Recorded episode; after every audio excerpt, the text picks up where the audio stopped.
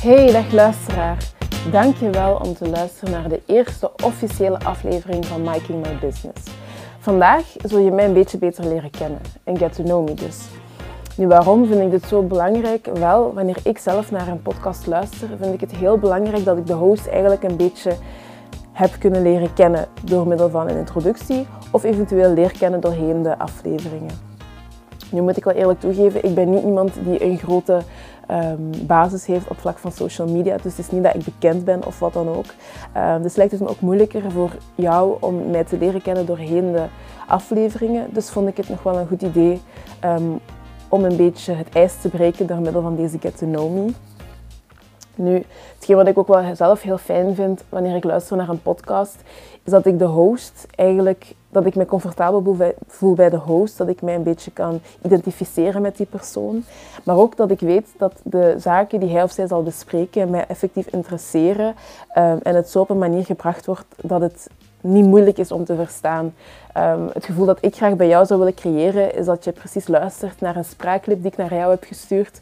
Um, met, een kort, met een korte update, update. Dus we hebben elkaar bijvoorbeeld al even niet meer gehoord en ik stuur je een spraakclip op WhatsApp van god weet hoe lang. Uh, en wanneer je tijd hebt, luister je daarnaar.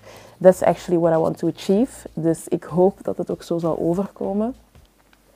Ik moet wel eerlijk toegeven dat ik een beetje nerveus ben. um, in persoon, face-to-face spreken vind ik veel gemakkelijker, heb ik gemerkt, dan zo tegen een apparaatje. But that's okay. Uh, ik, vind het super tof, het is super spannend, um, maar ik kijk er naar uit om mij een beetje te ontwikkelen en hieruit te leren. Dus ik ga ook niet het gebrabbel of, of het gehaper eruit knippen. Ik ga het zo puur en, en real mogelijk houden.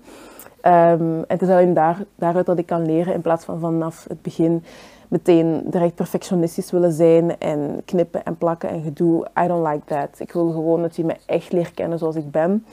En um, that's already the first thing. Ik ben iemand, als ik nerveus ben, ik begin heel veel te ratelen. Ik kan heel veel praten en ik zal het ook, ook doen. En zeker en vast wanneer ik nerveus ben. um, maar oké, nee, let's get to the point.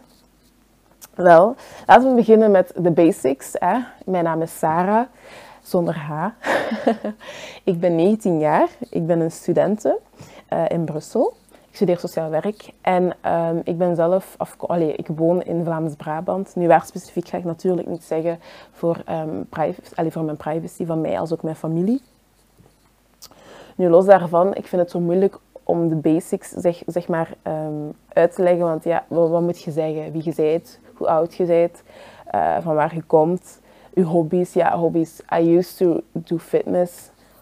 Um, well, I used to do. Ik sport nog steeds, uh, maar ik ging vroeger naar de fitness, regelmatig naar de fitness. Dat moet ik nu terug opnemen, allee, oppakken. Zeker nu dat de fitness sinds gisteren, denk ik, terug open was. Um, but that's okay, dat komt nog altijd wel, er is geen haast. Nu, daarnaast doe ik eigenlijk niet zo heel extreem veel, besef ik. Ik werk, uh, ik doe een studentenjob, ik ga naar school. En voor de rest ben ik met mijn familie of vrienden en vriend.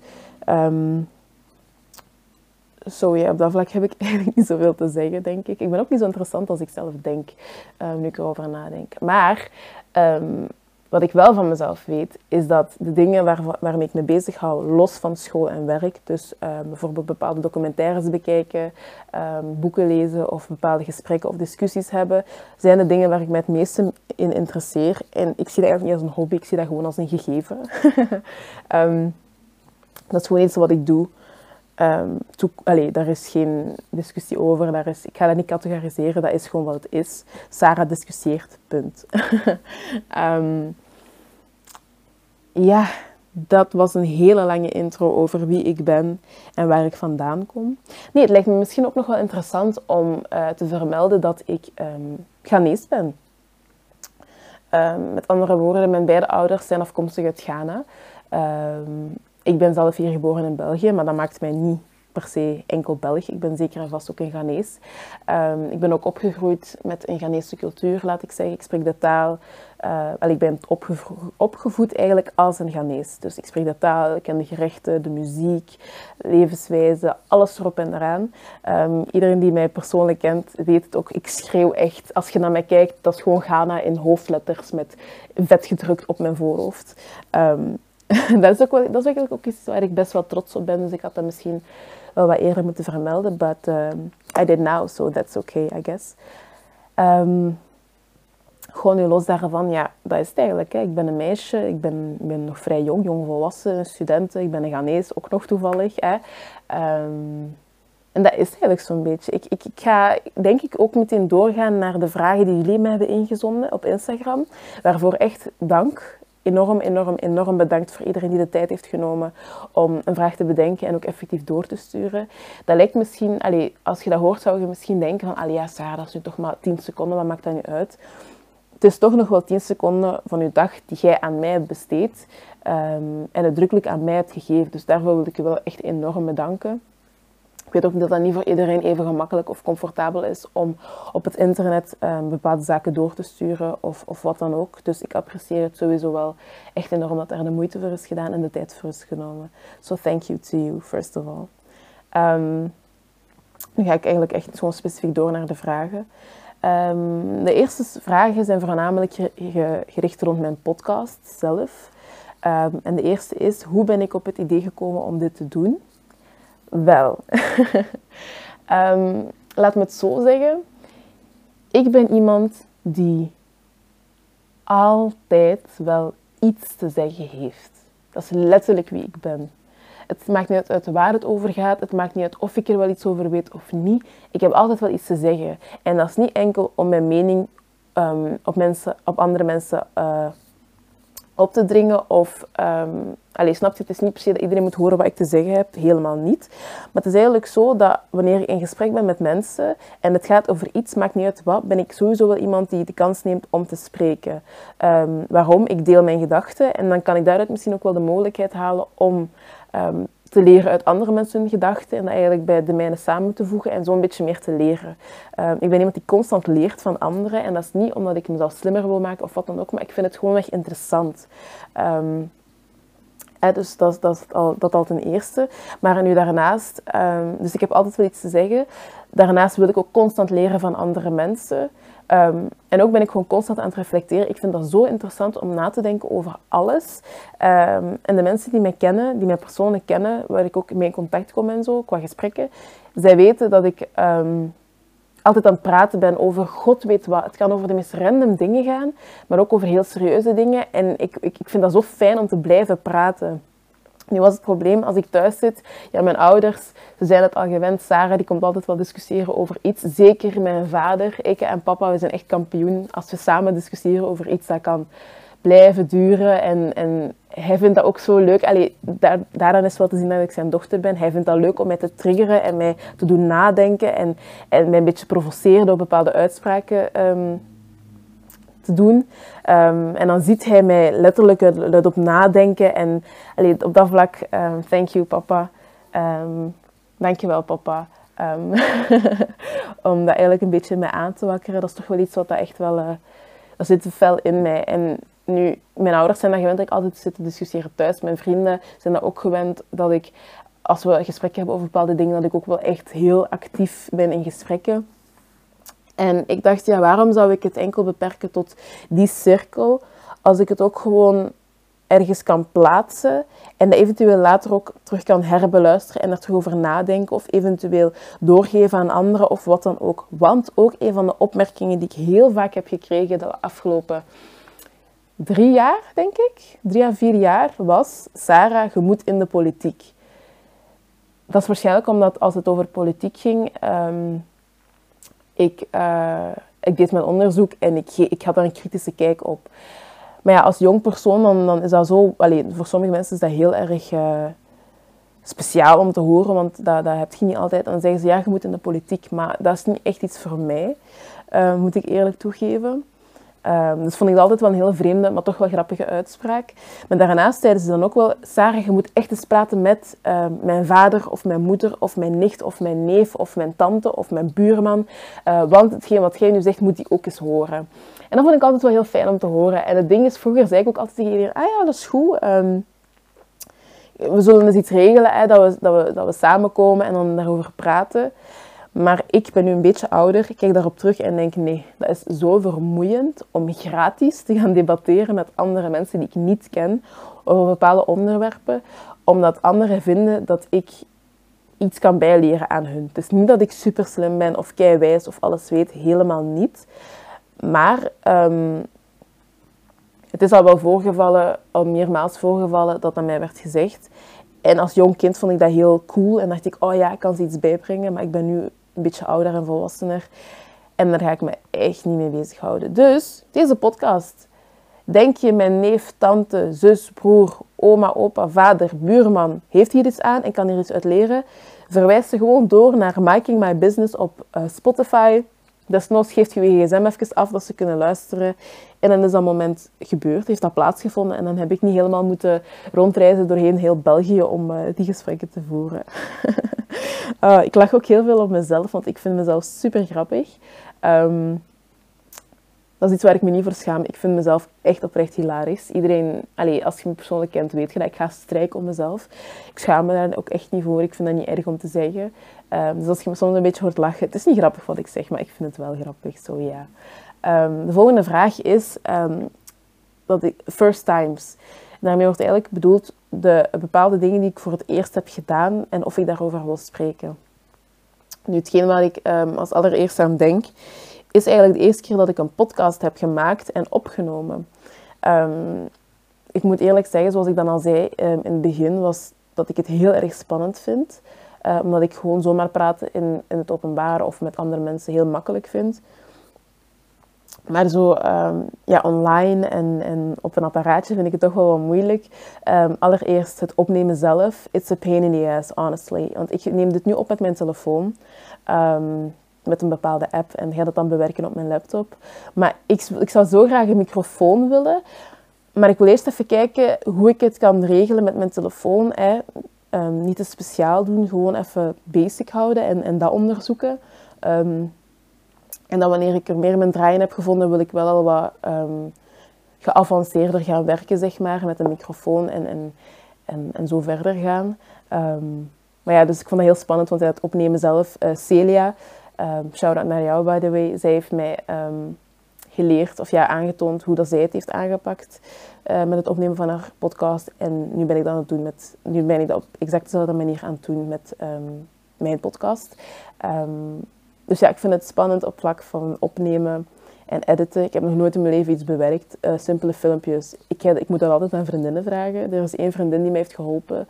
Dat is zo dom dat ik erop terugkijk. Maar letterlijk filmpjes gewoon achter elkaar plakken. Ik kon dat niet. En ze is helemaal naar hier moeten komen om mij daarmee te helpen. Dus uh, my dear friend, you know who you are. Thank you so much. ah, dat is echt stom eigenlijk, maar ik heb, ik heb eruit geleerd. Um, dus ja, dat is de eerste keer dat ik iets opneem. Dat is de eerste keer dat ik iets moet bewerken op mijn laptop. Um, het is ook niet altijd perfect. Ik, het, is, het is mij dus het is, hier en daar een beetje louche, maar uh, ik doe mijn best. En uiteindelijk, eh, daar leer ik uit. En later zal ik dan ook, um, wanneer het veel beter gaat en veel makkelijker gaat, dan zal ik terugkijken hierop en zeggen, ah Sarah, het is toch goed gekomen, maak je geen zorgen.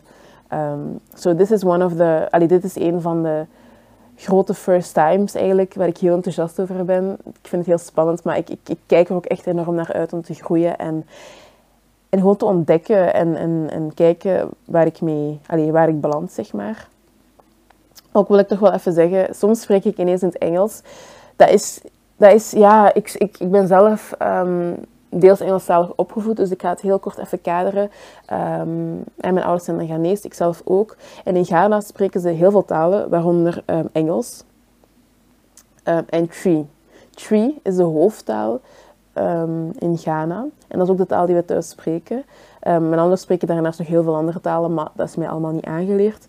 Dus ik ben het zo gewend van in Engels te spreken met mijn ouders. Ik was daar net ook met mijn ouders om gaan spreken. En dan zit ik zo in het Engels vast, zeg maar. En dat ik ineens, als ik Nederlands begin te spreken, dan vergeet ik sommige woorden. Of dan ineens begin ik in het Engels te spreken. Dat is puur omdat ik dat gewoon ben. Puur en alleen omdat ik het gewoon ben. Um, en soms is die switch een beetje moeilijk, maar op zich, ik spreek perfect Nederlands. Um, ik moet me daar gewoon even fatsoenlijk op focussen en dan ben ik weer door. Um, zo ja, dan heb ik dat ook even uitgelegd, dan weten jullie dat ook. Moest dat ooit nog eens voorvallen, dan um, now you know why. nu hiernaast uh, heb ik ook toch wel wat vragen gekregen omtrent motivatie en inspiratie en dergelijke. ik vond het wel cool om te zien dat, dat ik toch wel veel vragen heb gekregen daarover, maar ik heb het een beetje proberen bundelen. Ik, heb het, en ik wil het niet te lang laten duren. Maar ik vond het wel echt mooi dat, dat er ook zo'n vragen werden gesteld. En niet bijvoorbeeld, um, wat is het laatste ding dat je hebt gegeten? Of wat is je lievelingskleur? Of wat dan ook. Dat is allemaal leuk om wel te weten, maar ik vind dat je zelf heel erg... Um, ja, moet ik zeggen, dat zijn niet dingen die er echt toe doen, denk ik. um, dus ik vind het toch wel fijn dat er in die trend ook wel vragen zijn gesteld. Ik vind het ook heel interessant om daarover na te denken. Toen ik de vraag aan het bundelen was, vond ik het ook wel even... Confronterend ga ik niet zeggen, maar ik vond het wel even gek om daarover na te denken. Omdat in je dagelijks leven doet je dat wel snel, snel. Maar om daar echt even bij stil te staan, is toch wel even andere koek. Um, dus ja, ik ga dan nu verder gaan naar die vragen. Hè. De eerste vraag is, wat drijft jou in het leven en wat motiveert jou? Wel, ik moet. Het is, een vrij gemakkelijke vraag om te stellen, maar ik vind het moeilijk om te beantwoorden. Het eerste wat mij dacht, wat drijft mij in het leven, is geluk. Ik ben iemand die tijden van ongeluk heeft gekend. Ehm, ja, toch wel een periode van ongeluk heeft gekend. En ik ben daaruit gekomen met uh, het idee van Sarah Doe er alles aan, maar echt doe er alles aan om het geluk te vinden. Ook al is het in de kleinste of domste dingen, doe er toch alles aan om het geluk te vinden. Um, dat is toch wel iets wat dan me, dat heeft een heel switch gemaakt in mijn leven en dat is toch wel iets wat ik, uh, dat drijft me toch wel, besef ik nu. Um, bijvoorbeeld nu heel concreet, ik ga voorbeelden geven. Um, ik vind geluk in wanneer ik opsta en ik zie dat ik mijn kleren um, al heb opgevouwd en, en, en, mooi heb klaargelegd voor de dag dan, zeg maar. Dan word ik daar gelukkig van. Dan denk ik, ah, voilà, nu kan je daar gewoon dat stapeltje pakken en met douchen en beginnen aan de dag. Daar word ik gelukkig van. Efficiëntie. Omdat ik dan weet van, ik heb rekening gehouden met mezelf en ik weet hoe dat ik ben in de ochtend. En ik apprecieer het enorm dat ik de moeite heb gedaan voor mezelf om even um, dat geluksmomentje te creëren. Um, nu daarnaast, wat motiveert mij? De mensen rondom mij. En daarmee bedoel ik niet enkel mijn familie of vrienden, maar dan bedoel ik ook letterlijk iedereen die deze aardbol bewandelt, motiveert mij. Um, bijvoorbeeld de studentenjob die ik nu doe. Um, het is zwaar werken. Het is snel werken, het is zwaar, het is, het lange uren soms, het is door, soms overuren onderwacht. En ik vind het heel leuk, daar niet van. En ik kijk ook zeker niet neer op de mensen die daar vastwerken. Maar het motiveert mij wel op vlak van school, omdat ik weet van dit is niet wat ik wil blijven doen. Ik kan dit niet blijven doen. Als student is dat allemaal wel leuk en wel, want ik hang hier niet aan vast. Als ik nu zeg ik stop, dan ben ik weg en het is gedaan. Maar ik wil niet dat ik als volwassen persoon hier aan vasthang.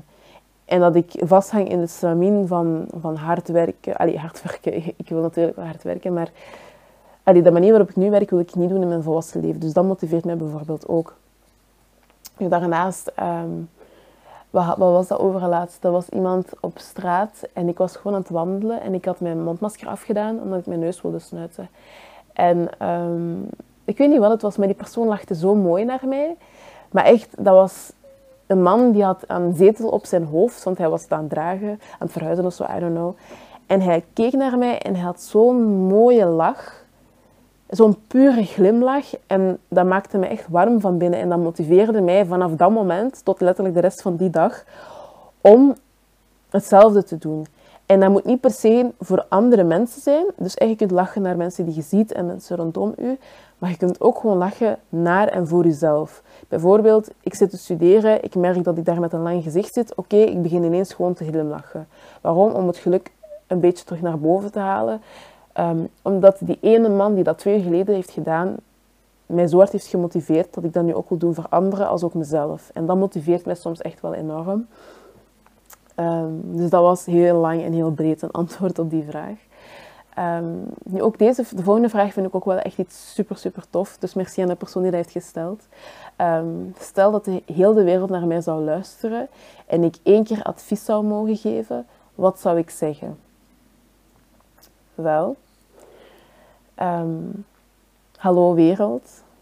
Dank je wel om te luisteren naar mij voor de tijd uh, waarin ik spreek. En als ik jullie mag adviseren, zou ik toch wel willen zeggen: blijf jezelf. Blijf gewoon jezelf.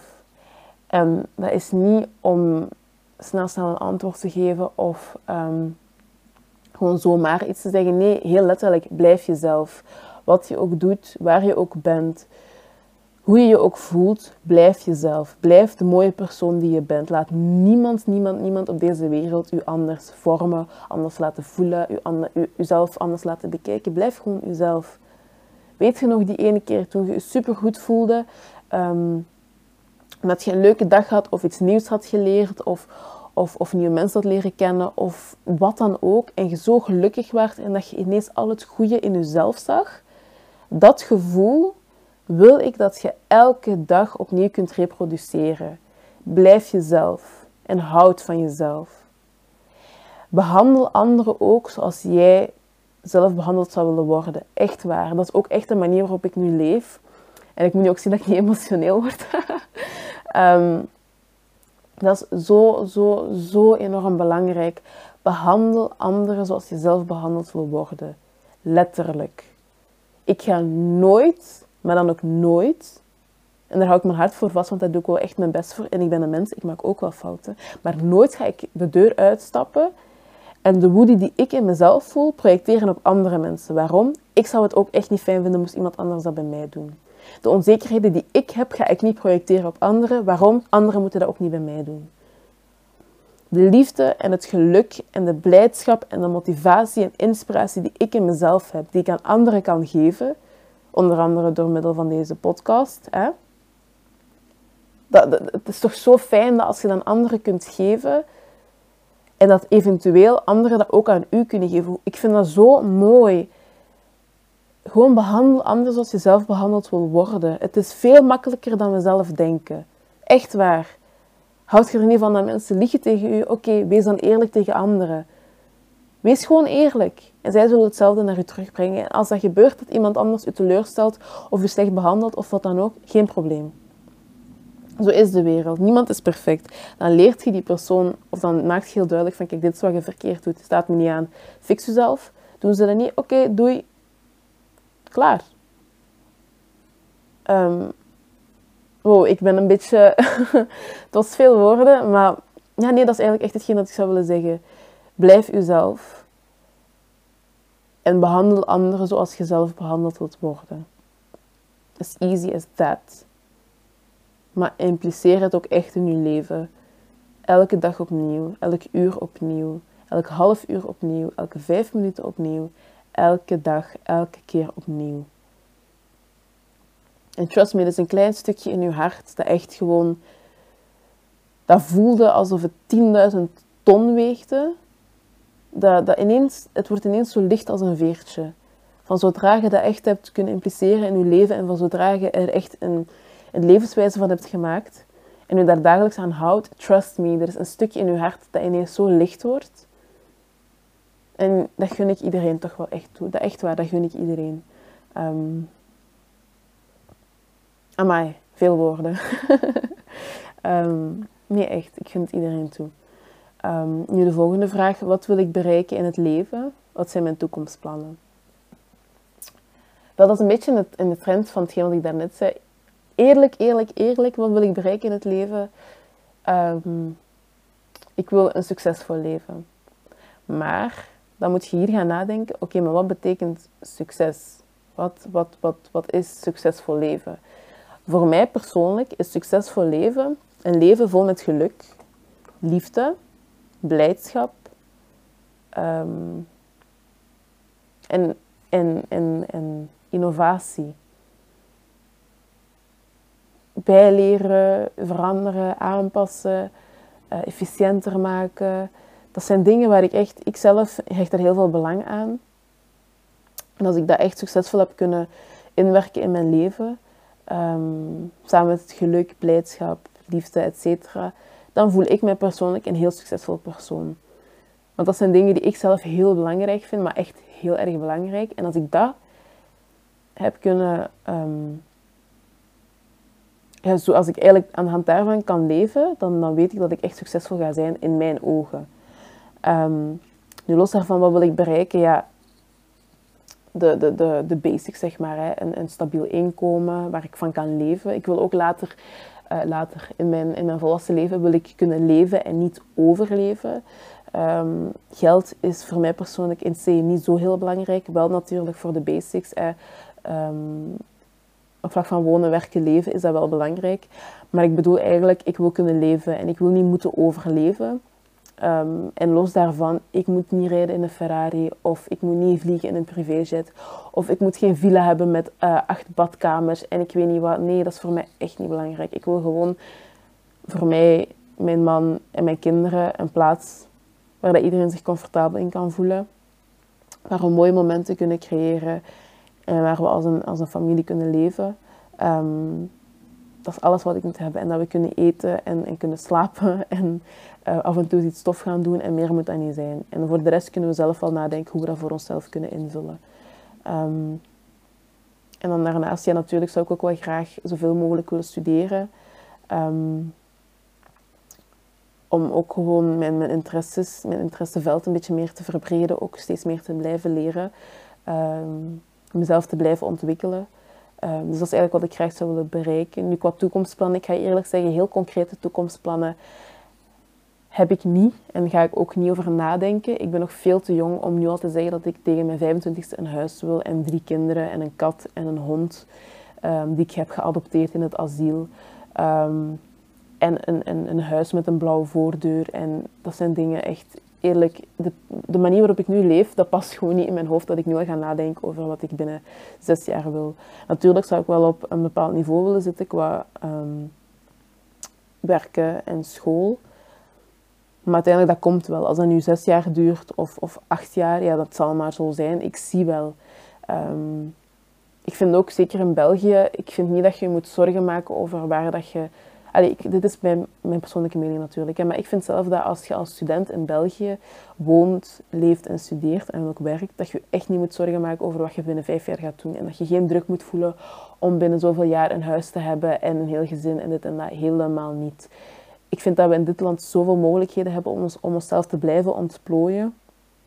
Dat we echt niet um, de druk achter mogen zetten om zo snel mogelijk zoveel mogelijk te doen. Allee, we zijn jong, er zijn zoveel mogelijkheden, je kunt zoveel doen, grijp ook zoveel mogelijk kansen. Um, dat betekent niet dat van zodra je een huis hebt of kinderen dat je leven stopt, helemaal niet. Maar ik vind wel dat, dat je dan anders gaat leven. En voor nu, ik wil nog even egoïstisch blijven en gewoon alleen maar aan mezelf blijven werken, voor ik er andere mensen bij ga betrekken. Natuurlijk, ik heb wel een relatie, dus ik heb al één persoon betrokken daarbij. Uh, maar we zijn niet getrouwd en we hebben geen kinderen. Dus dat is, dat, is, een heel andere manier van leven. Dan moesten we al een gezin hebben, et cetera. Um, het zijn wel lange antwoorden.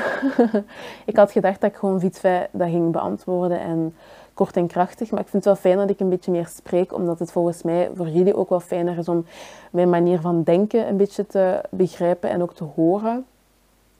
En dat je eigenlijk zo voor jezelf een beetje meer begint um, na te denken. Dus je begint eigenlijk samen met mij na te denken over de antwoorden. Want ik heb ook zoiets van, als ik andere mensen hoor spreken, dan ga ik zelf ook mee nadenken van, ah ja, en hoe is dat voor mij? En oh, ik, um, identificeer ik mij daarmee? Of um, vind ik dat ook? Of hoe is het voor mij, dit en dat? Um, zo ja. volgende, wat maakt mij gelukkig? Ja, ik denk dat je het ondertussen, ik denk dat je het ondertussen wel hebt een beetje kunnen raden. Heel veel maakt mij gelukkig vrij snel. Dat moet niet veel of groot zijn. Allee, moet niet speciaal zijn, zeg maar. Nu, wat maakt mij gelukkig? Mijn uh, familie. Ik moet wel zeggen dat het soms wel een beetje turbulent is, moet ik zeggen. Uh, want mijn relatie met mijn moeder is heel anders dan mijn relatie met mijn vader. Ik hou van hen alle twee, maar dat is een, dat is een heel andere relatie. En hetgeen wat ik dan eigenlijk zo mooi vind, is als ik zeg mijn familie, is dat ik denk aan hun allemaal als individuen. En kijk hoe dat elk individu mij geluk brengt.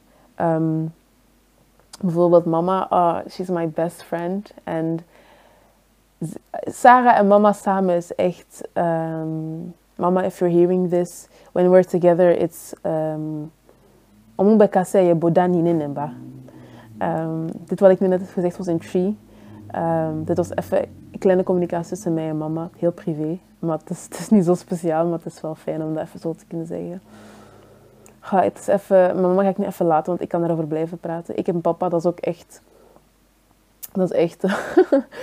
ik en papa, we zijn echt zo dezelfde persoon dat het echt grappig en irritant wordt. Dus soms dan, dan irriteert hij mij en dan, dan lacht hij mij uit. Of dan irriteer ik hem en dan um, lach ik hem uit. Omdat we echt zo hetzelfde zijn. En we weten van, als ik nu lach of iets zeg, je gaat toch niet lang kwaad blijven of wat dan ook. Um, ja, en dan mijn broer um, en mijn zus. Ik ga daar niet te ver over op ingaan, want allee, dan kan ik zo elke persoon blijven benoemen. dus ja, mijn familie. Dan de mensen rondom mij, eerlijk gezegd, dat maakt me wel echt heel erg gelukkig. Um, dan heb je daarnaast ook, gewoon, zoals ik al zei, de mensen die hier wandelen op de aardbodem. Ik, ik, I promise you, als je soms gewoon een beetje aan het rondwandelen bent en je ziet een persoon die glimlacht naar u, glimlacht terug. En hetgeen wat bij mij al vaak is gebeurd, is dat er ineens gesprekken uit zijn gekomen. Ik weet nog één keer dat ik met mijn vriend in Gent was. En um, daar we waren het wachten op een tram die een beetje later was. Of er was iets mee, ik weet niet meer wat het was. En er was een mevrouw naast ons. Eerst vroeg zij gewoon wat er was met de tram, waarop wij dan zeiden van ja, we weten dat zelf niet, bla bla bla. En nee, we vroegen of die tram naar een bepaalde plaats ging en ze had ons dan geholpen. Dan daarna ineens begint hij te praten. Allee, ik was dan aan het praten met mijn vriend en ineens begint die vrouw in te gaan op de dingen die ik zei. En dat had niks met het gesprek te maken, maar dat was wel kei fijn om ook met haar te spreken, omdat ik voor een hele korte periode had ik iemand leren kennen. Had ik daar, en dat was een hele fijne ervaring, stapte die persoon dan af aan haar halte en dat was het. En dat maakte mij zo gelukkig, omdat ik het had van, wow, de wereld is zo klein. Ik ken u niet. Het kan zijn dat ik u nooit meer in mijn leven ga terugzien. Het kan zijn dat jij um, binnen drie uur verhuist naar Tokio van mijn part. En toch is dat, heeft dat moment plaatsgevonden dat wij elkaar zijn tegengekomen, dit fijne gesprek hebben gehad. Deze interactie heeft plaatsgevonden. Jij gaat verder met uw leven, ik met het mijne. En dit kleine stukje ga ik voor de rest van mijn leven met me meedragen. En dat maakt mij heel gelukkig, omdat ik ervan houd om ja, die interactie en, en dat spontane, dat, ja, dat, dat wekt iets op in mij. Um, dus I don't know, ik weet niet of deze vrouw dat ooit gaat horen, waarschijnlijk niet, maar echt enorm bedankt voor dat gesprek. Um, het was echt tof. het was echt tof. Um, Ah, de volgende vraag. Deze vind ik echt een hele goeie. Um, uh, wat studeer je en komt het overeen, overeen met wat je vroeger wilde worden? Wel, ik studeer dus momenteel sociaal werk aan de Erasmus Hogeschool in Brussel. Nu komt het overeen met wat ik vroeger wilde studeren of worden? Absoluut niet. No. Ik als kind, ik wilde vroeger eerst politievrouw worden, maar dat werd um, dat was vooral uh, gestuurd door mijn vader. Ik weet niet waarom die wilde dat ik in, de, in dat werd, maar wat, dat was zijn droom voor mij. Uh, uiteindelijk niks mee gedaan. Uh, mama wilde dan uiteindelijk dat ik, Sarah die altijd praat, of ik moest advocaat worden of journalist.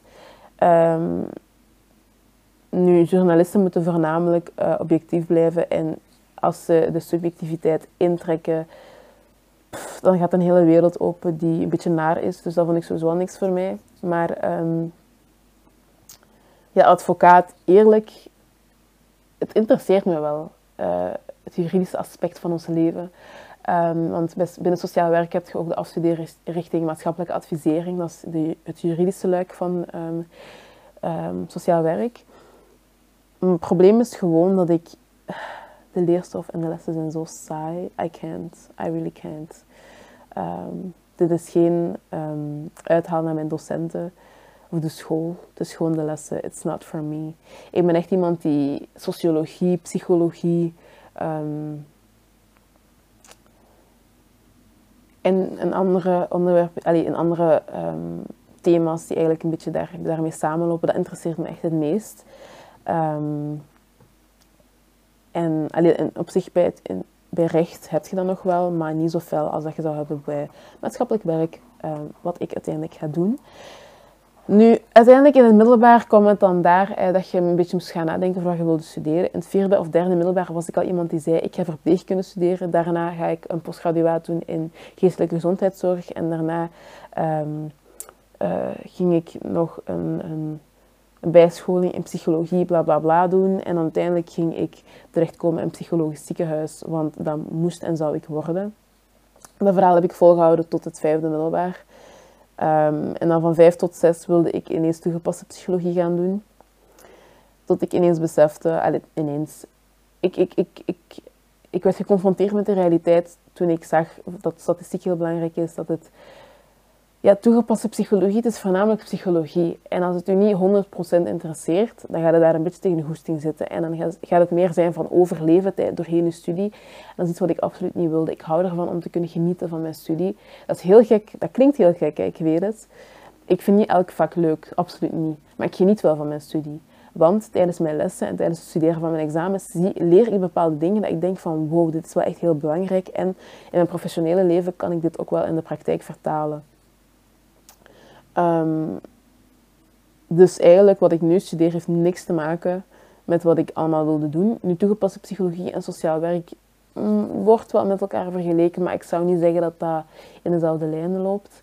Ehm, maar nee, het komt eigenlijk helemaal niet overeen. Maar ik vind dat kei goed dat dat niet overeenkomt, want ehm, ik zou mezelf alleen maar teleurstellen.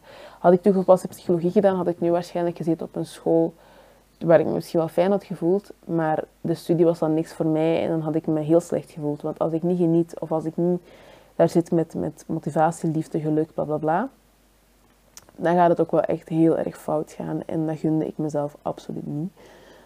Um, dus dat. Ja. Ik moet wel eerlijk zeggen dat ik het een beetje moeilijk heb met mijn concentratie. Ik, ik vind dat ik daarop wel een beetje moet oefenen. Um, want ik zit hier nu eigenlijk op te nemen. Dus ik zit op een stoel, de vragen liggen voor mij. En ik ben nu eigenlijk aan het kijken naar een gordijn. en ik merk dat als ik te lang kijk naar dat gordijn, dan begin ik te staren en dan word ik stil. En dan ken het dat je zo lang aan het staren bent dat je niet meer kunt wegkijken. Ja, dat wil ik dus nu, dat wil ik nu vermijden. Um, en dan gaan we naar de volgende vraag. Mijn grootste angsten. Ik wil daar niet te veel op ingaan, want ik ben een persoon Um, ik kan me vrij snel bedrukt voelen. Paniekaanvallen vermijd ik liever ook. En um, ja, gewoon algemeen angsten vind ik iets moeilijk om te bespreken. Maar natuurlijk, ik ga het niet uit de weg gaan, want ik heb het nu ook benoemd. Dus ik ga het dan ook wel bespreken. Um, een van mijn aller, aller, allergrootste angst is de dood. Heel makkelijk. En daarin kan ik me eerlijk gezegd wel echt verliezen. Um, wanneer ik denk aan de dood, beeld ik me letterlijk in. Nu leef ik mijn leven. Ik ben hier een podcastaflevering aan het opnemen, kei hoe en zo. Maar stel, ik ga nu douchen, ik stap uit de dingen, ik val. Allee, nee, dat is een beetje te grafisch. Sorry. Stel, ik ga dood vandaag.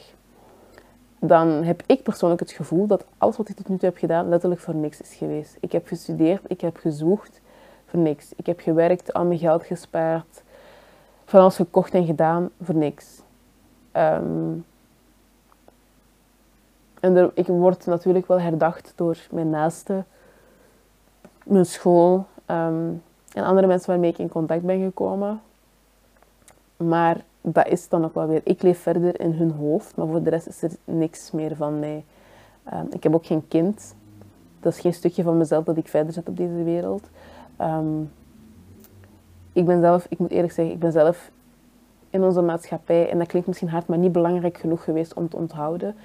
Um, bijvoorbeeld dan, excuseer me dat ik zijn naam niet ken, maar um, de persoon die um, Xavier speelde in FC de Kampioenen, die was overleden. En naast FC de Kampioenen had ik eigenlijk geen connectie met hem. Gewoon niet. Maar wanneer hij stierf, had ik wel even zo, zo een besef van, wow, dit is wel Xavier van FC de Kampioenen. En dan elke keer dat ik FC de kampioenen zie, hoor, lees, whatever, dan denk ik even terug aan hem. En dan heb ik zo het besef van, je hebt heel veel betekend voor België en Vlaanderen. En als ik dan daar naar kijk en ik kijk naar mij, dan, dan heb ik niks. Which is oké, ik ben nog maar 19 jaar. Wat heb ik te betekenen in deze wereld? En ik weet in de levens van mijn familie en vrienden en, en andere mensen misschien wel.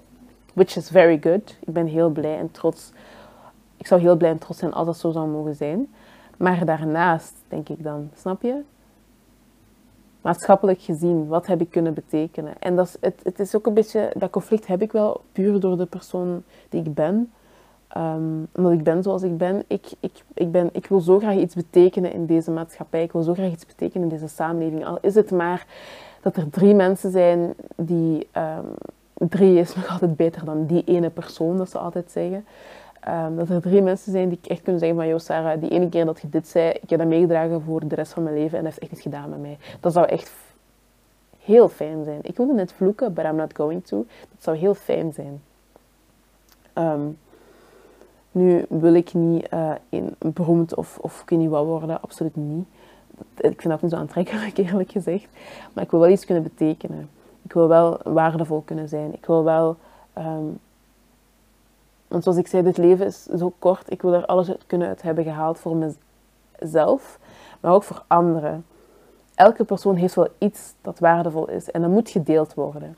En ik probeer dat nu te doen via deze podcast. Um, maar ja, mijn grootste angst is om dood te gaan. Ehm, maar gewoon de dood zelf doodgaan en ook gewoon dat mensen rondom mij sterven. Ik zeg het u nu al. Allee, ik zeg het u nu al. Ik weet gewoon, ik kan dat niet. Ik kan dat echt niet aan. Ik, ik kan dat, ik, ik vind dat heel moeilijk. Ehm, want dan bijvoorbeeld, mijn mama, mama is echt, als ik praat over mama, I'm gonna cry. Of het nu gaat over iets positiefs of negatiefs, mama en ik, oh, she makes me so emotional, I love her so much. Maar ik zei nog tegen mijn vriend over laatst, want mama, mama was zo aan het praten van... Um, ja, Sarah, ik ga er niet voor altijd zijn, dus je moet ook een beetje leren om, om een beetje zelfstandig te zijn op bepaalde vlakken. En ik zo, mama, wat zegt je? Je gaat niet doodgaan. Like, what are you talking about? You're not gonna die. That would be very selfish. um, en toen ging mama weg en we waren er nog over het lachen, want ik zei nog van, hoe egoïst zou zij zijn om mij achter te laten op deze wereld? Ik, Sarah. Like, I'm your daughter, please like stay alive or something. I mean, come on. Ik ben niet dom. Dat is super onrealistisch. Iedereen gaat uiteindelijk wel sterven, I know. Maar ik, ik ben zo in, in denial, hoe zegt je dat in Nederlands? In, in ontkenning. Mensen rondom mij gaan niet dood. Ik ga ook niet dood. We blijven voor altijd leven. En als één iemand dood gaat, gaan we allemaal samen dood. Dus alles of niks, snap je? Um, dus ik heb daar heel veel moeite mee. Ik ben er heel bang van. Um, ik ga er ook over stoppen, want het is een beetje luguber antwoorden. oh, Sarah. Um, ja, dat, dat, was best wel veel. Dat was echt best wel veel eigenlijk. Um, maar dankjewel echt wel voor die vragen. Het is een beetje... Ik weet dat ik daar straks nog over ga blijven verder nadenken, maar ik vind dat goed. Dan, dan, dan, ben ik, dan kan ik mezelf nog een beetje gronden en dan kan ik ook een beetje nadenken over ja, hoe ik in het leven sta op, op bepaalde vlakken en, en hoe ik naar bepaalde dingen kijk. Dus um, nee, gewoon echt dankjewel voor die vragen. Um, ja, ik had, het, was wel even, het was wel fijn om daarop te kunnen antwoorden.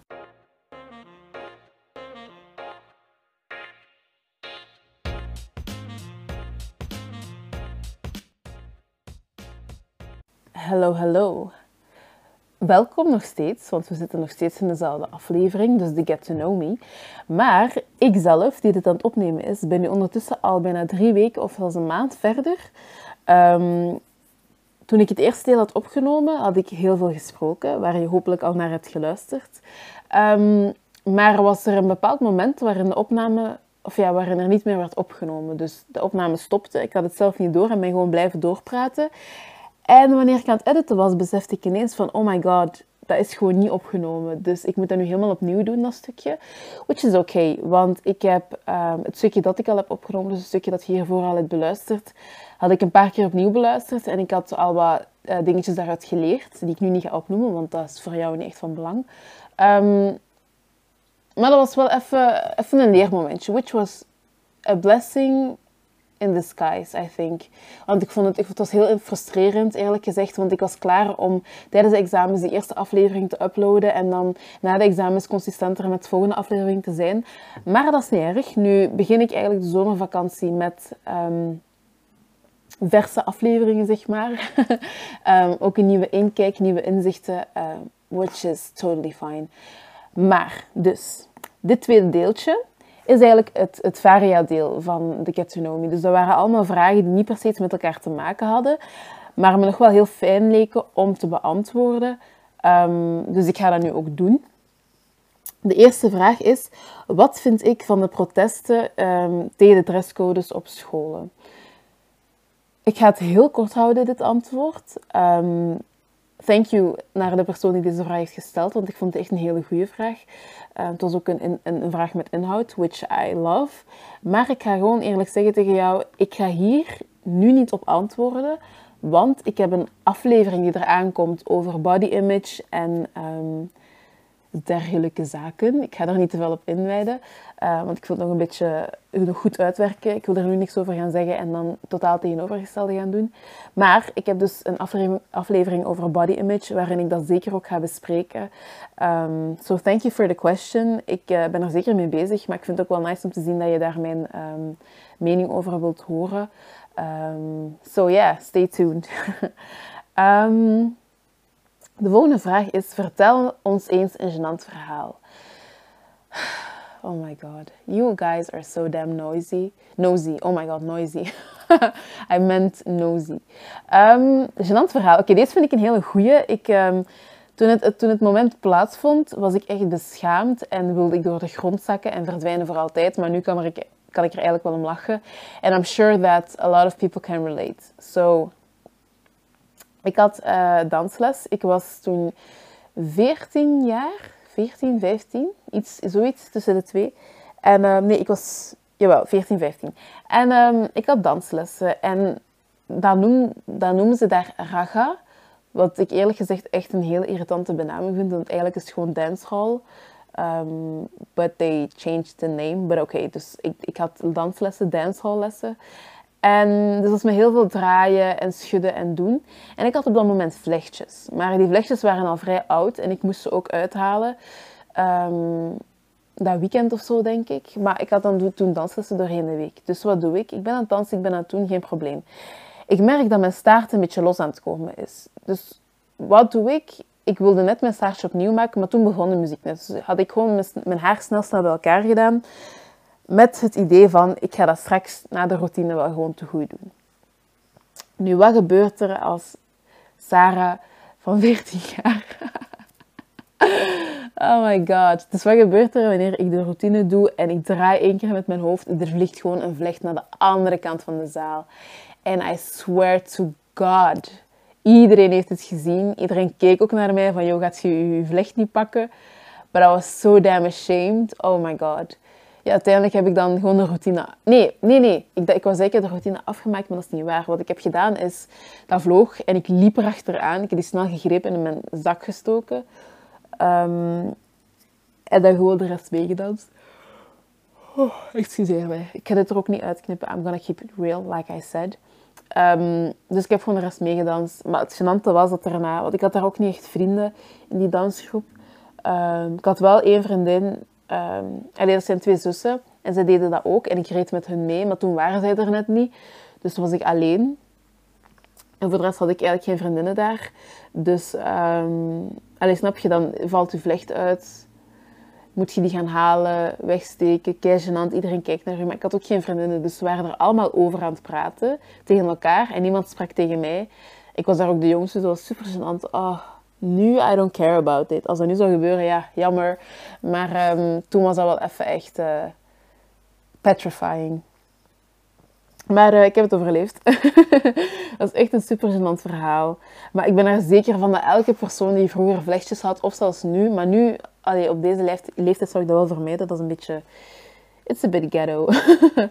maar ik bedoel, als je als kind je vlechtjes al een beetje langer hebt en je speelt en je loopt en je doet, dat dat wel eens kon gebeuren. Ik had dat zo vaak op de speelplaats, dat er dan een vlecht uitviel en dan kwam iemand op school, die had het dan opgepakt, kwam dan helemaal naar mij toe, Sarah, uw vlecht is gevallen. En dan stak die daar in mijn hand en ja, als kind zei ik gewoon van, ah, dank u, en ik gooide dat gewoon weg in de vuilbak, maar nu ik daarop terugkijk, denk ik echt ja, wat moest ik daarmee doen? Dat even terug opnieuw insteken. Oh. Is wel grappig om te, om te beseffen dat dingen waar ik me vroeger enorm voor schaamde, me nu eigenlijk niks kunnen schelen. Moest dat nu gebeuren, ja, ik zou... Allee, I'm just gonna deal with it. And that's, that's not... Amai, it's not that big of a deal. I don't really care. Um, maar ja, wat, dat was dus mijn gênante verhaal. Wat eigenlijk niet meer zo gênant is. Maar meer recente gênante verhaal ga ik natuurlijk niet delen, want het is nog een beetje, het is nog een beetje vers. Um, so ja, en dan nu, uh, de volgende vraag, which was, wat ik echt wel, oké, ik ben een beetje te veel Engels aan het spreken, dus ik ga het wat meer in algemeen Nederlands uh, proberen te behouden. Maar de volgende vraag vond ik heel erg, um, ik moest erom lachen. Niet omdat ik het per se uh, um, lachwekkend vind, maar eerder van, I don't know, ik begrijp niet goed waar, waar, waar, waar deze vraag vandaan komt. Ik vind het heel erg, ik voel me vereerd. Maar ik moet wel eerlijk zeggen dat ik iets had van, oh my god, huh? Uh, dus de vraag luidt, waar haal jij je mode-inspiratie vandaan? Nu, um, mensen die mij niet begrijpen, ik adviseer, we gaan nu naar mijn Instagram. Even shameless self-promo, maar dit is ook mijn podcast, zo doe wat ik wil. Maar um, ja, en, en, en kijk even en dan hoop ik dat dat je begrijpt wanneer ik zeg, ik kleed mij niet zo speciaal, denk ik dan toch. Um, nu, waar haal ik mijn mode-inspiratie vandaan? Dus even ook de vraag um, beantwoorden. Eerlijk gezegd, ik, ik doe maar iets. Veel meer van mijn kleren heb ik al vrij lang. En met lang bedoel ik echt al vijf jaar, vier jaar. Ja, zoiets, vijf, vier jaar. Niet alles natuurlijk, maar toch wel een groot stuk. Um, en ik recycle gewoon altijd mijn kleren. En ik doe er of een nieuw topje bij, of een nieuwe broek, of ik, ik match het anders. Maar waar haal ik de effectieve inspiratie vandaan? Gewoon op straat. Ik kijk op straat naar mensen um, die echt heel erg, die een goede stijl hebben. Um, en ik ben ook zo iemand, als ik dat zie en ik ken u bijvoorbeeld niet, of ook al ken ik u, maakt niet uit, ik ken u of ik ken u niet, ik stap naar u af en ik vraag gewoon van, hey, dit is kei leuk, waar heb je dat vandaan? Hoe heb je dat gedaan met uw maat en zo? En dan haal ik daar informatie vandaan en dan um, doe ik later gewoon letterlijk hetzelfde. Uh, dus ik ga mijn inspiratie van mensen die ik op straat tegenkom. Natuurlijk spreek ik niet iedereen aan, want ja, soms bijvoorbeeld in de trein of zo, het is bijvoorbeeld acht uur s ochtends, niemand heeft daar zin in om zo'n heel gesprek te voeren. Ik zelf ook niet. Dus ik, ik, kijk, vaak maak ik ook wel foto's van mensen. Um, niet met hun gezichten daarbij, maar wel van hun kleren zelf. Omdat ik het soms wel echt heel nice vind. Ook van Instagram. Um, ik volg niet per se um, modeaccounts of, of mensen die zo echt een bepaalde stijl hebben. Ik, ik volg gewoon... Uh, ja, op Instagram volg ik mensen die ik leuk vind, maar ook gewoon mensen de kleren die zij dragen op de manier, de manier en de manier waarop ze dragen, vind ik zo interessant dat ik hun daarin wil volgen. Um, maar het is bijvoorbeeld niet dat ik exact dezelfde stukken ga kopen, because I'm broke and I'm cheap. Uh, dus ik ga bijvoorbeeld, uh, bijvoorbeeld die Balenciaga's, uh, die Triple S. Ik vond ze heel cool, maar ik ga die niet kopen. En ik ga ook niet gelijkaardige schoenen kopen, want een dupe of een namaak vind ik niet interessant genoeg om te halen. Zo heel wauw vind ik die schoenen niet. Maar bijvoorbeeld, um, een heel goed voorbeeld dat ik kan geven is, ik ben ooit eens een random foto op Instagram tegengekomen van een meisje die heel basic gewoon een leren broek aan had en een witte sweater uh, en sneakers. En ik heb dat gewoon letterlijk gekopieerd. En ik voelde me heel goed in die outfit. Um, dus dat is eigenlijk wat ik doe. Ik kijk op Instagram naar mensen die leuke stijl hebben. Ik, um, ik vraag dat aan mensen op straat of aan mijn werk, op mijn werk of op school of wat dan ook. Ik spreek mensen ook aan als ik iets nice zie en wil het, het, hetzelfde um, item ook wil. en ik recycle ook heel veel van mijn kleren. Dus bijvoorbeeld, ik weet nog toen ik nog 15 was en ik kreeg kleren van mama, dat ik op heel veel stukken nee zei. Van ah, ik wil dat niet, dat is niet mooi, dit, dat. En we zijn nu jaren verder en ik heb spijt dat ik daar nee op heb gezegd. Het is ook een tasje dat mijn mama droeg in de jaren 90. Super mooi. Maar toen vond ik dat kei lelijk en nu heeft ze dat weggedaan en heb ik daar kei wel spijt van. Dus wat ik nu probeer te doen is bepaalde basics of bepaalde echt goede stukken bijhouden. En daar even mee wachten. En dan later, wanneer ik een moment heb gevonden waarin ik dat echt goed kan stylen. Sorry, ik wou stylen zeggen. waarin ik dat goed kan stylen of stylen. Dan um, neem ik het stuk weer terug en dan, dan, dan, dan probeer ik iets uit. En ik, hetgeen wat ik ook altijd doe, is dingen dragen waar ik me comfortabel in voel. Ik persoonlijk ben bijvoorbeeld iemand die decolleté, I don't mind. Uh, ik vind dat heel mooi. Uh, ik draag dat heel graag. Dus dan kleed ik bepaalde kledingstukken. Bijvoorbeeld, ik heb een kleedje, een rood kleedje. En rood staat mij vrij goed. Uh, dat is ook een beetje decolleté, wat ik comfortabel vind. En dan accentueer ik dat met een, een, een taille riem. Hoe dat je dat ook noemt. Zo'n riem op je taille. Um, en bijvoorbeeld met mijn juwelen match ik altijd. Dus bijvoorbeeld stel ik heb een riem aan, met een gouden detail, dan doe ik ook gouden juwelen aan. Um, ik heb ook wel sava, ja, veel juwelen. Ik heb genoeg gouden ringen en oorbellen, als ook zilveren ringen en oorbellen. Dus het kan altijd wel matchen met elkaar. Ik heb ook een gouden horloge en een zilveren horloge. Dat is nu misschien wel een beetje extra, maar um, dat is wat ik doe. Dus in het lang en in het breed, that's what I do. Uh, de volgende vraag vind ik ook, um, vond ik een beetje, dacht, hm, ga ik het nu beantwoorden of niet? Maar ik heb een manier gevonden om hem te beantwoorden op een goede manier, denk ik. Dus de vraag is, één ding wat bijna niemand over mij weet. Wel, na diep hebben, te hebben nagedacht, besef ik dat niet zo heel veel mensen weten van mij dat ik eigenlijk een heel gevoelig persoon ben. Maar dan hier moet je wel oppassen met de manier waarop je gevoelig interpreteert. Want ik ben niet gevoelig als, in, je iets zegt tegen mij dat ik begin te huilen of ehm, heel emotioneel word. Nee, helemaal niet. Eigenlijk vrij, dat heb ik niet echt snel. Um, maar dat is een heel ander gesprek. Um, met gevoelig bedoel ik meer van uh, bepaalde prikkels. Als ik een overload aan prikkels heb, dan word ik echt gek. Kan het dat ik hoogsensitief ben? Ja. Moet ik me daarvoor laten onderzoeken? Ja. Ga ik dat ook doen op dit moment? Nee. Waarom? Ik wil het nog.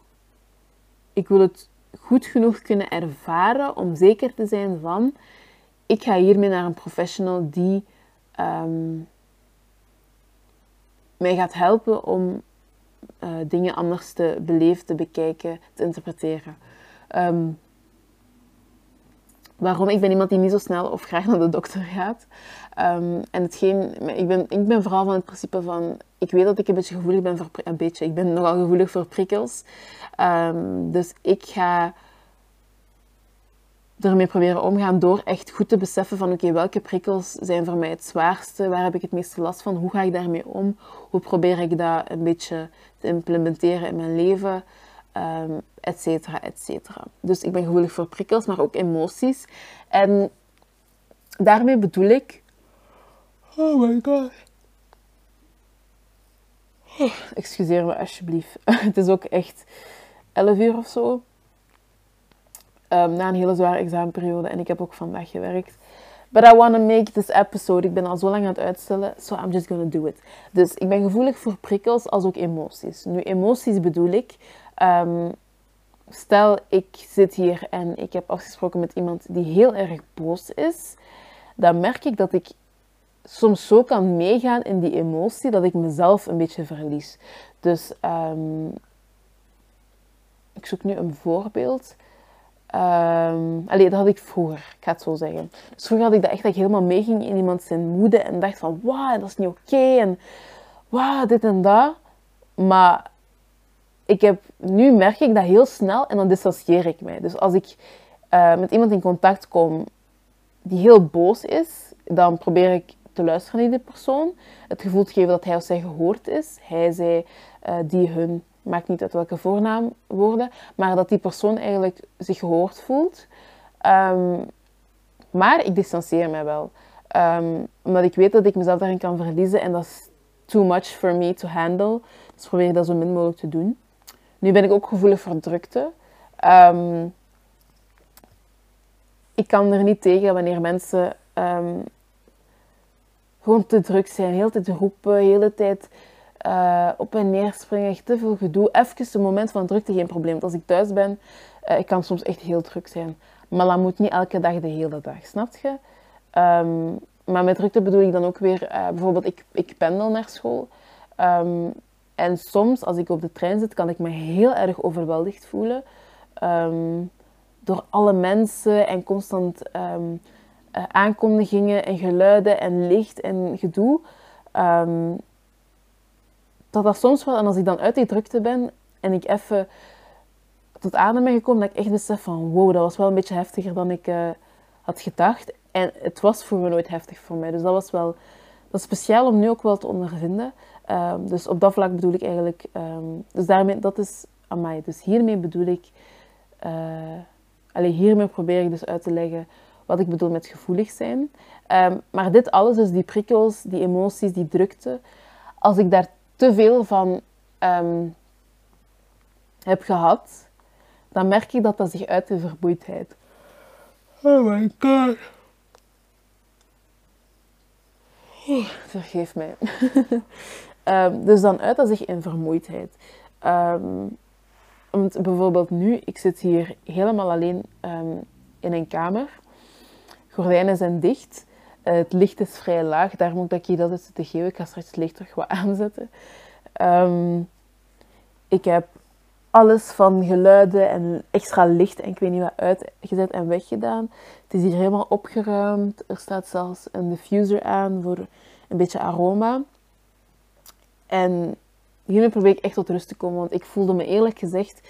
Um, ik was vandaag klaar met werken om uh, twee uur.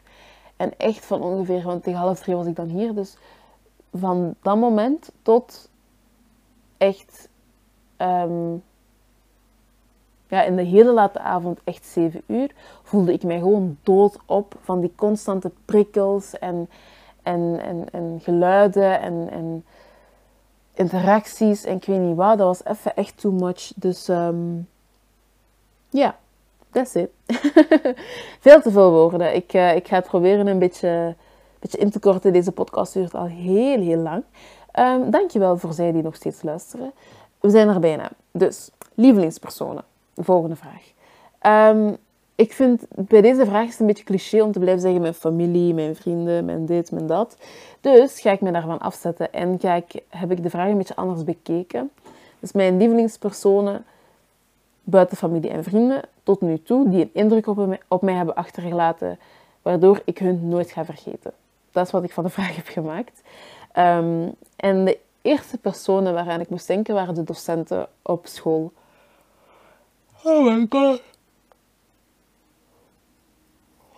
Geo nummer drie. um, dus de docenten op school.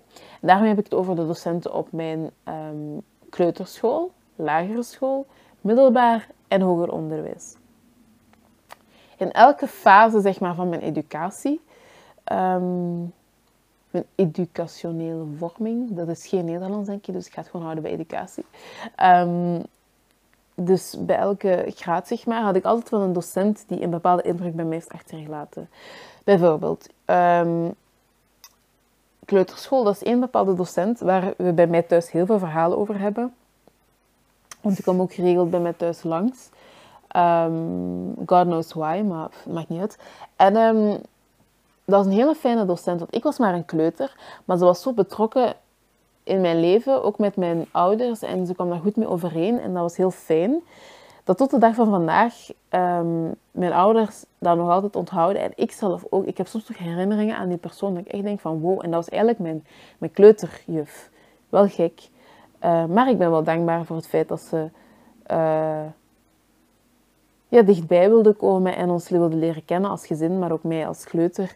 Um, en het gewoon heel goed heeft gedaan. Ik voelde me altijd op mijn gemak bij haar.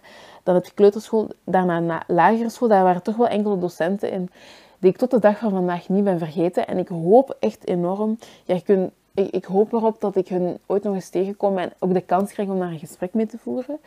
Dan kun je bijvoorbeeld wel zeggen van ja, ga naar die school, maar uh, online zag ik soms wel zo wat dingetjes van die school voorbij komen. En dan zag ik bepaalde docenten niet meer. Dus dacht ik al, oei, dan, die zijn waarschijnlijk met pensioen. Dat is nu al heel lang geleden. Um, maar ik ga natuurlijk niet helemaal naar een lagere school om die te storen op hun werkdag. Want ze hebben ook van alles te doen en zijn er niet op voorbereid dat ik daar kom natuurlijk. En ook niet voor een heel gesprek. Maar ik hoop wel dat ik ooit een gesprek met hun kan hebben en hun kan bedanken voor de momenten um, dat ze mij hebben geholpen. Want uh, ik weet niet of ik het al eerder heb vernoemd in de aflevering, want ik herinner me ook niet meer wat ik heb gezegd. Maar ik werd enorm gepest in de lagere school en ook een deel van het middelbaar. Um, maar dus die docent in de lagere school, de momenten waarop ik alleen was of het heel slecht ging of het pesten echt gewoon te veel werd en ik eigenlijk geen vrienden had, ging ik om met mijn leerkrachten. En dan zat ik in de middag, dat is één een leerkracht, uh, die in de middagpauze, als ze er dan was, altijd bij mij kwam zitten en dan was gewoon altijd heel fijn. En ik wachtte ook meestal wel op de momenten dat ze er zou zijn om dan met haar te kunnen zijn.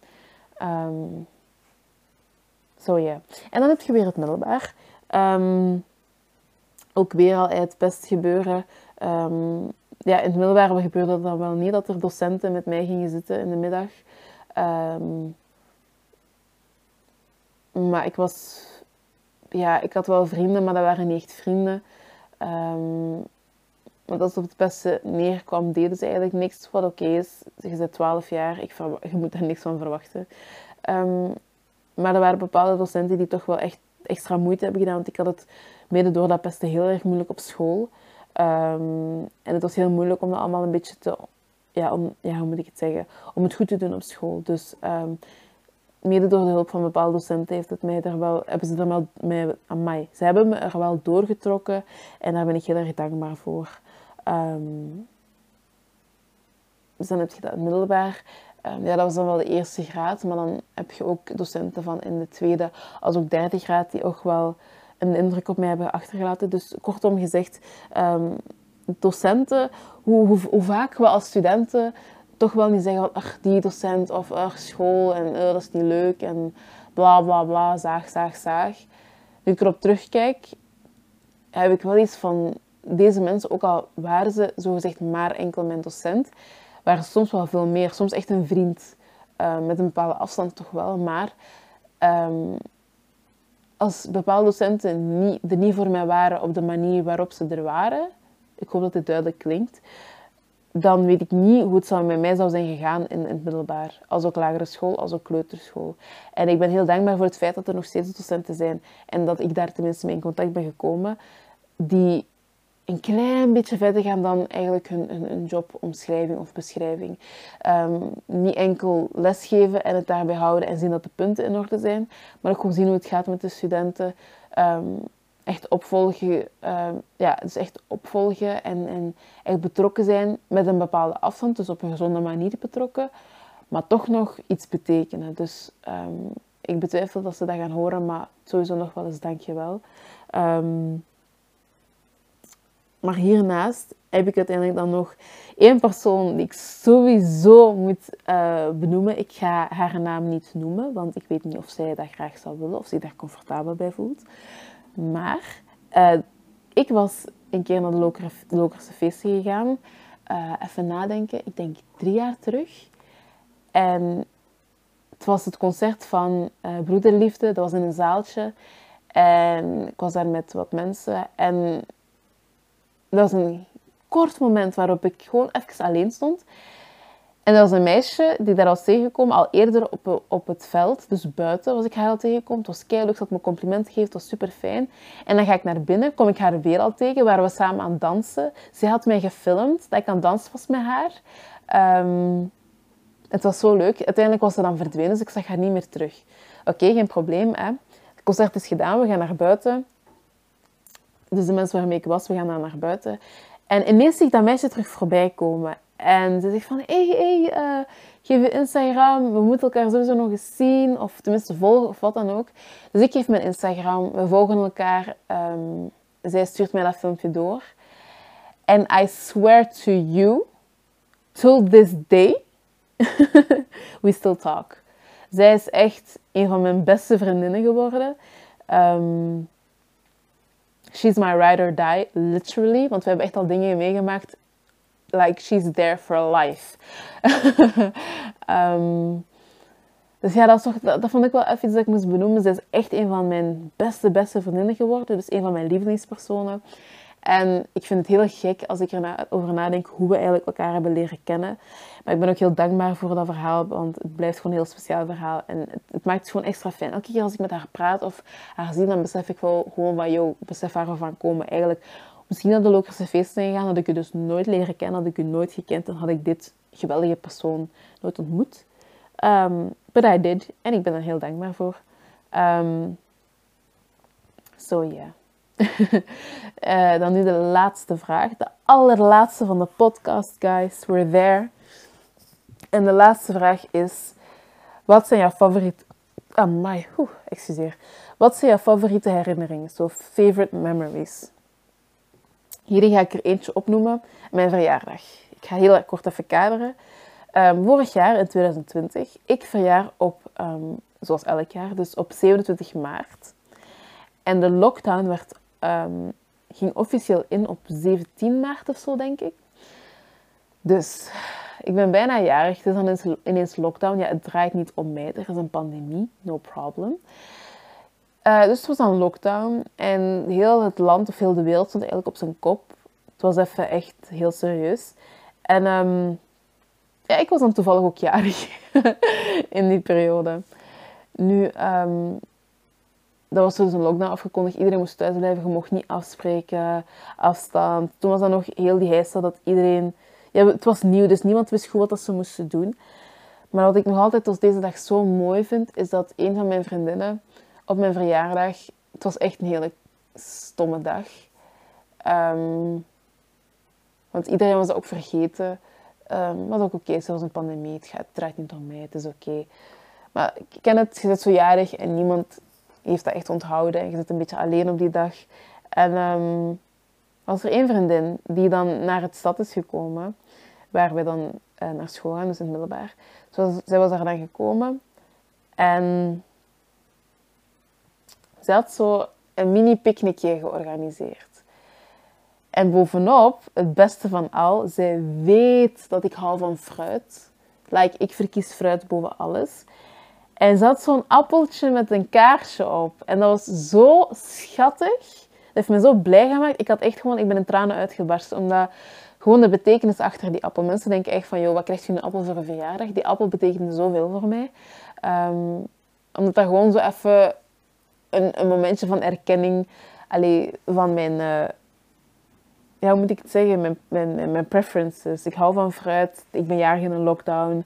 Het was allemaal heel kut. En dan, dan doet ze even moeite om helemaal naar toe te komen met een appel met een kaarsje op. Dat was zo fijn. Um, dus dat was echt nog altijd een van mijn lievelingsherinneringen. Um, ja, ik wilde eigenlijk nog veel meer vertellen, maar ik ga het daar gewoon bij houden. Ik ga even daar de focus op houden. Gewoon, ik hoop dat ze dit hoort. Ik weet niet of ze hiernaar gaat luisteren. Uh, moet ook niet. Niemand, je moet niks. maar als je dit hoort, wil ik je gewoon sowieso nog eens bedanken. Want dat was zo'n slechte dag, dat was zo'n rotdag. En je hebt me zo'n goed gevoel gegeven. Um, dus ik ben daar echt mega dankbaar voor. Dus dank je wel. And uh, yeah, we're there, guys. It's the end. The end of the very first episode. Dus als je helemaal hebt geluisterd tot dit punt, ik dank jou enorm. Echt oprecht, dank je wel, want het heeft heel lang geduurd. Um, maar uh, ja, laat me sowieso weten wat je ervan vond. Um, stuur me DM. Um, ik heb geen business e-mail, ik heb geen business account, want dit is gewoon Sarah die praat. Zo, ik wil het er niet, ik wil er geen zakelijk gedoe van maken. Um, maar sowieso wel dankjewel om te luisteren. Um, dus als ze hebben beluisterd, laat me weten wat je ervan vond. Geef me um, feedback, maar wel positieve feedback, dus opbouwende feedback. Nee, niet positief, het kan ook gewoon negatief zijn, maar gewoon opbouwende feedback. Ik heb er niks aan als je zegt, geluid was kut. Oké, maar wat raad je mij aan? Of bijvoorbeeld, ja, ik vond het niet leuk.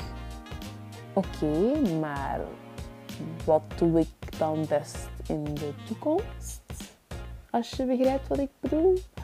Um, ik, ik hou van feedback, negatief, positief, I don't care. Ik sta er zeker en vast voor open. Um, dus laat het me alsjeblieft weten. Het is enkel op die manier dat ik ook echt goed kan groeien.